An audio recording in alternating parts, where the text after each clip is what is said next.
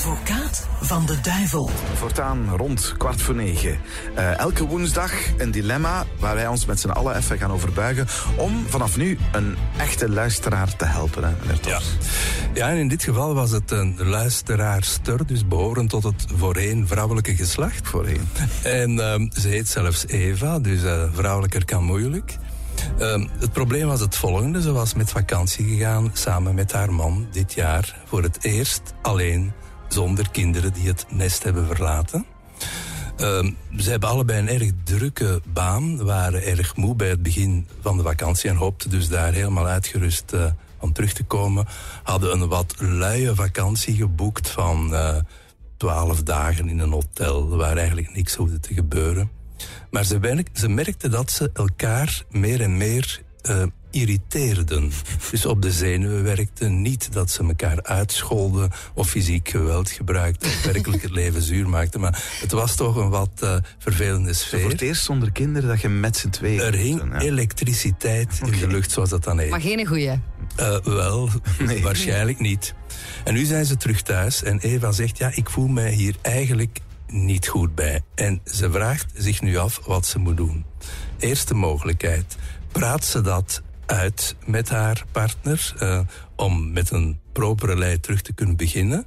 Of, tweede mogelijkheid, uh, ja, gaat ze gewoon terug naar de routine van elke dag van het werkjaar en probeert ze er niet te veel aandacht aan te besteden in de hoop dat uh, stilaan alles wel gewoon natuurlijk, zonder veel interventies, gesprekken, eventueel uh, ja, consultaties bij experts verder gaan. Ja, nee, uh, heel simpel. Wat? Het eerste. Ik zou, ik zou, ja, maar wel op een, uh, niet zo van, schat, we moeten echt eens praten. En dan, en dan wel kijken alsof je half dood bent. Zo'n beetje zo, uh, wel een beetje met humor aanbrengen of zo. Van, zeg hé, hey, het is precies een beetje wennen terug aan nu de kinderen uit huis zijn. En dan zo wat, wat dingen doen samen. Hè. Ik bedoel, inderdaad, zo, zo een reisje van twaalf dagen in een hotel. Misschien zo wat spannende dingen. Weet ik Ja, spannende. Wat kan spannend zijn? Niet bungee jumpen of zo. Maar zo iets actiever. Of samen gaan padellen. Maar maak het nog erger. Cursus. Die mens wil gewoon terug naar zijn rustige leven. Zeg, allee, ja, die hij heeft die vakantie overleefd. Nu weer normaal met ja. elkaar gaan doen. Ja, maar kan hem ook weer naar zijn minnares. Uh, het is weer gewoon Zij moeten er ook in de bij pakken. Dat kan nee, nee, ook natuurlijk niet. Maar... Nee, het hangt er volgens mij gewoon vanaf van welk soort relatie, welk soort type ze zijn met elkaar. Als hij daarvoor open staat, dan, moet, dan kan je dat bespreken. Maar het hoeft ook niet allemaal per se besproken te worden, denk ik. Ja, maar weet je, ik, ik ga iets zeggen. Ja? Oh, mag ik eigenlijk niet zeggen, maar ik ga het toch zeggen. Hè. Ik zou niet te snel naar zo'n uh, relatietherapeut gaan. Ah, nee, natuurlijk. Oh, ik zou nooit gaan eigenlijk. Nee, nee. Ik denk echt, ik los het wel zelf op. Of, of, of het graag. Maar ik denk, oh, zo'n relatietherapeut, dat er altijd. Die is toch nooit bij de relatie geweest, denk ik dan? Hoe weet hij nu? Hopelijk. Met een nee. beetje gebabbel van hier en daar. Het ambetante is, zit. als zo'n therapeut een oplossing vindt dan verdient hij niks meer aan jou natuurlijk. Annie die stuurt jaarlijks met de kinderen en kleinkinderen gaan we naar de camping. Ik kijk daar ontzettend naar uit.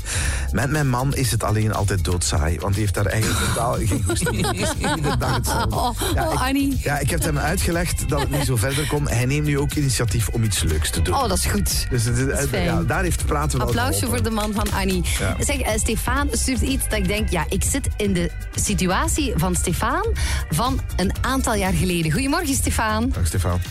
Goedemorgen iedereen hey. aan de andere kant van de radio. Hey, oh, Stefan, vertel eens. Ja, ik zit in jouw situatie van een paar jaar geleden. Wat was die situatie? Wel, wij hebben uh, drie kinderen die ondertussen allemaal het huis uit zijn. Ondertussen ook al kleinkinderen. En als onze jongste dochter het huis heeft verlaten, kwamen wij in een situatie van... Uh, oei, wat vertellen we nu tegen elkaar? Want het waren altijd de kinderen die aan het praten waren aan de tafel. Ja. En uh, zij vertelden hun verhaal. En toen iedereen buiten was, zat mijn vrouw en ik aan, elk aan de kant van de tafel. En we wisten niet meer wat vertaald of gedaan.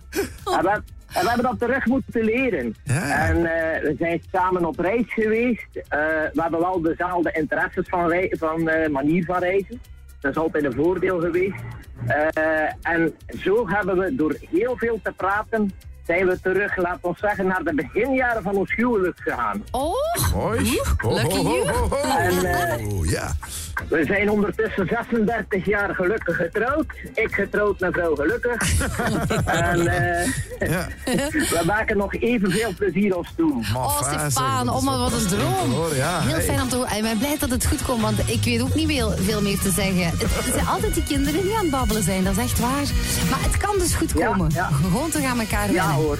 Heel fijn, dankjewel Stefan. Eva was op vakantie deze zomer luisteraar van ons met haar man. Voor het eerst zonder de kinderen, want die zijn uit huis.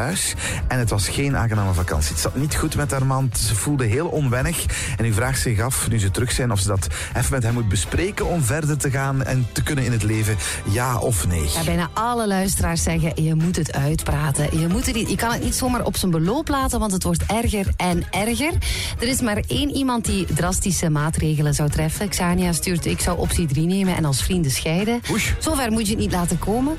Ook uh, relatietherapeuten zijn ook niet zoveel luisteraars van. Daar leer je vooral constructief communiceren als dat moeilijk gaat. Als je niet weet hoe je een gesprek moet beginnen, maar die geeft geen oplossingen. Hè. Maar de meesten zeggen, ga gewoon terug aan elkaar wennen. En er komen heel veel getuigenissen binnen van mensen die zeggen, eenmaal kinderen op het, uit het huis, dat is heel raar. Maar dat komt terug goed. Meneer Tops, welke goede raad zou je aan onze luisteraar nu geven nadat u ons en de luisteraars gehoord hebt? Ja, zelf ben ik niet zo'n grote fan van superdiepzinnige gesprekken. uh, ook hou ik minder van medicaliseren of problematiseren van alles wat er aan de hand is. Hè. Dus iemand doet een beetje raar, direct is dat een medisch probleem. Je hebt een tijd lang minder goede communicatie. Onmiddellijk moet daar iets aan gedaan worden. Praten, praten, praten. Eventueel met een therapeut. Uh, verschrikkelijk die gedachte alleen al. Ik heb het niet gezegd, want daar krijg je ongelooflijk veel kritiek voor. Maar ik vind het een vreselijke zaak. Ik zou zeggen, als je elkaar al lang kent, en dat is in dit geval zo, probeer gewoon je dagelijks leven te hernemen. En geleidelijk aan praat je, ook als je het over andere dingen hebt, tegelijk over je relatie.